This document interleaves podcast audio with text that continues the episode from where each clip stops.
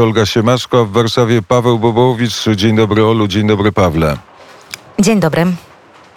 Dzień dobry Krzysztofie, dzień dobry Państwu. Pozwól, Pawle, że rozpocznę to od e, Olgi e, Siemaszko, szefowej redakcji białoruskiej. Uczestniczyłaś w wielkiej wyprawie, byłaś z nami e, i w Wilnie, i w Rydze, i w Talinie, i w, i w Kłajpedzie.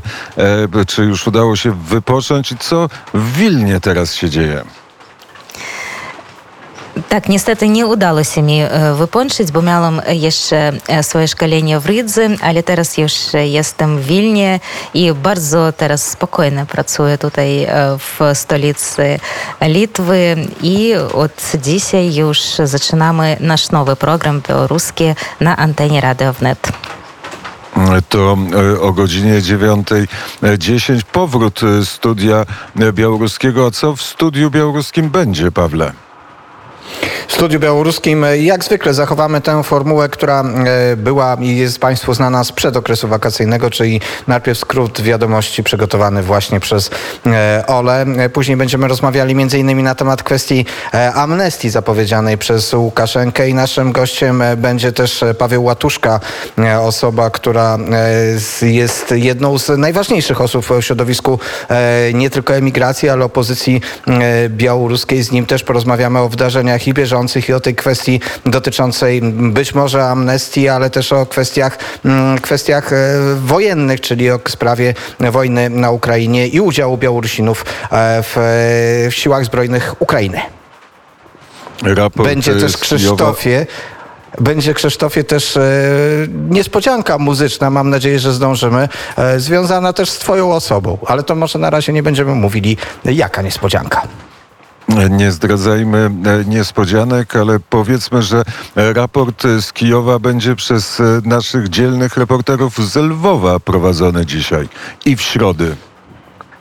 E, przede wszystkim to studio, studio Lwów, które jest e, na naszej antenie e, tradycyjnie i na pewno kwestie dotyczące wojny też się pojawią. Zresztą pod koniec naszej audycji mam nadzieję, że uda, na się, uda nam się połączyć siły wileńsko-warszawsko-lwowskie i wspólnie chwilę porozmawiać.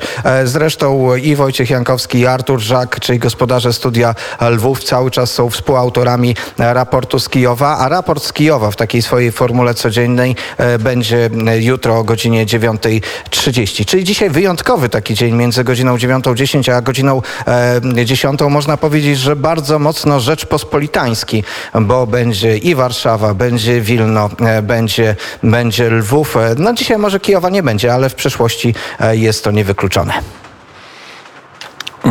A po 10.10, skoro tak zapowiadamy, poranek rozpoczęliśmy na dworcu e, kolejowym, a tam co chwila są zapowiedzi dotyczące pociągów, które przyjeżdżają i odjeżdżają, to my teraz e, też zapowiemy, bo e, po godzinie 10 z kolei będzie wywiad z Iną Kuroczkiną.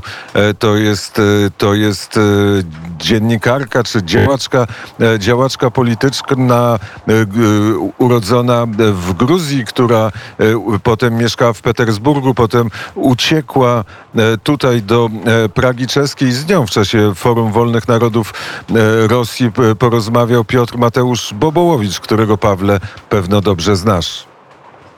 E, tak się składa, że bardzo e, dobrze znam e, Piotra i cieszę się, że bierze udział w wyprawie, ale też wasza rozmówczyni to osoba, która rzeczywiście dla nas jest ważna i istotna i jej spostrzeżenia, osoba, którą poznaliśmy na pierwszym Forum Wolnych Narodów Rosji, które odbyło się przecież w Warszawie z inicjatywy Stowarzyszenia Dziennikarzy Polskich.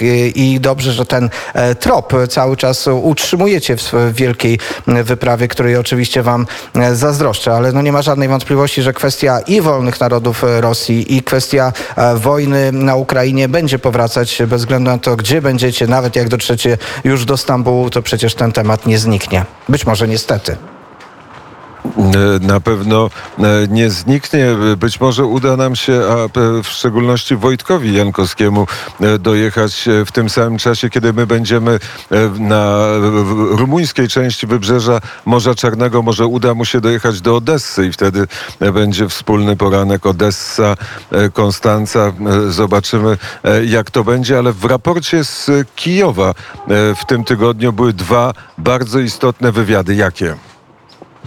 Tak, rzeczywiście. Jeden z, z tych wywiadów e, to e, e, wywiad z Daniłowem, szefem, szefem Rady, czy sekretarzem Rady Narodowego Bezpieczeństwa i Obrony Ukrainy. To osoba, która właściwie jest jedną z najważniejszych osób w państwie na, na Ukrainie. Osoba, która odpowiada za kwestie bezpieczeństwa. To też bliski współpracownik, współpracownik prezydenta Zełenskiego. Rozmawialiśmy na tematy oczywiście dotyczące wojny, ale też e, dotyczące kwestii e, polityki wewnętrznej, też e, takiej kwestii bardzo wrażliwej, która w pewnym sensie dzisiaj pojawiła się w waszych rozmowach, mianowicie kwestii możliwych wpływów agentury rosyjskiej na Ukrainie, co, jakie miało to znaczenie, czy te wpływy są, a drugi wywiad, który zrealizowała Daria Gordiko, nasza koleżanka redakcyjna, to wywiad z szefem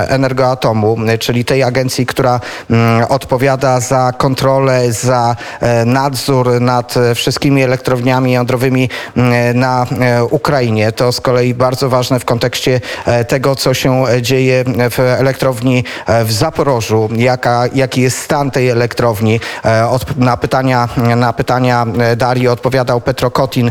To jest osoba, oprócz tego, że jest szefem Energoatomu, ale to jest osoba, która przez lata jest związana z elektrownią e, w Zaporożu, bo tam w 1985 roku zaczynał swoją e, karierę e, zawodową i cały czas jest człowiek, który pozostał w kwestii energetyki jądrowej doskonale uzna i doskonale zna elektrownię w Zaporożu, także jego wypowiedzi mają tutaj szczególne znaczenie, jeśli chodzi o kwestie bezpieczeństwa, o kwestie jak na to bezpieczeństwo wpływa obecność wojska rosyjskiego. Także bardzo serdecznie zapraszam Państwa do odsłuchania tych wywiadów. One były prezentowane na naszej antenie, ale oczywiście są dostępne też na stronie internetowej, na YouTubie e, i myślę, że warto do nich wrócić, bo są cały czas e, aktualne. No szczególnie kwestia niebezpieczeństwa e, tych zagrożeń, które Rosja sprowadza na elektrownię jądrową w Zaporożu. Myślę, że dobrze mieć świadomość tych niebezpieczeństw, też po to, żebyśmy mogli podejmować działania, mówię w takim ogólnym znaczeniu, my, świat Zachodu, w, stosunku do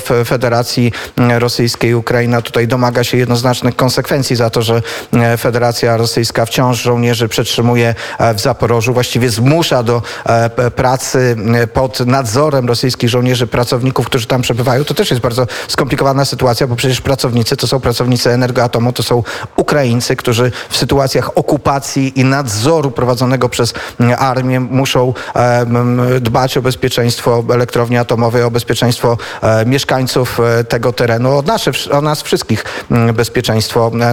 A w dodatku jest to elektrownia, która w tym momencie e, nie dostarcza energii, a sama potrzebuje energii do tego, by e, zabezpieczyć pracę e, reaktorów. Rosjanie cały czas uniemożliwiają dostarczenie tej energii, bojkotują czy, czy, czy po prostu ostrzeliwują te miejsca, gdzie energia jest dostarczana, to powoduje oczywiście dramatyczną sytuację, jeśli chodzi o kwestie bezpieczeństwa. Dwa wywiady mm, istotne i ważne, myślę, w tej kwestii dotyczącej wojny na Ukrainie. Zapraszam serdecznie do ponownego albo do, do no, pierwszego wysłuchania ich e, w internecie. I e, te wywiady są na stronie wnet.fm lub na YouTubie Radia Wnet. E, Zachęcamy do tego, żeby odwiedzać zarówno stronę, jak i YouTube'a, jak i korzystania z mediów e, społecznościowych, gdzie publikujemy i zdjęcia, informacje na temat Wielkiej Wyprawy i tego, co się dzieje we wszystkich naszych studiach. Pawle, bardzo dziękuję. Olu, powiedz mi, czy już pani Swietłana Ciechanouska wróciła do, do Wilna, czy już rozpoczął pracę rząd e, tymczasowy, białoruski rząd tymczasowy? O pracy e, rządu tymczasowego dowiedziemy się dzisiaj od Pawła Latuszki. On jest takim wicepremierem tego rządu i on powie nam, co się dzieje już po pierwszym miesiącu e, tej pracy. Svetlana Tichanowska jest teraz w Wilnie, ale powiem, że mam takie, e, taką listę jej plany na miesiąc i już niedługo ona będzie w Warszawie, w Białymstoku na spotkaniach w Polsce. To będzie początek października. Powiedziała Olga e, Siemaszko tuż e, po poranku 9.10 studio e, Białoruskie Radia Wnet i Oldze i Pawłowi bardzo serdecznie dziękuję.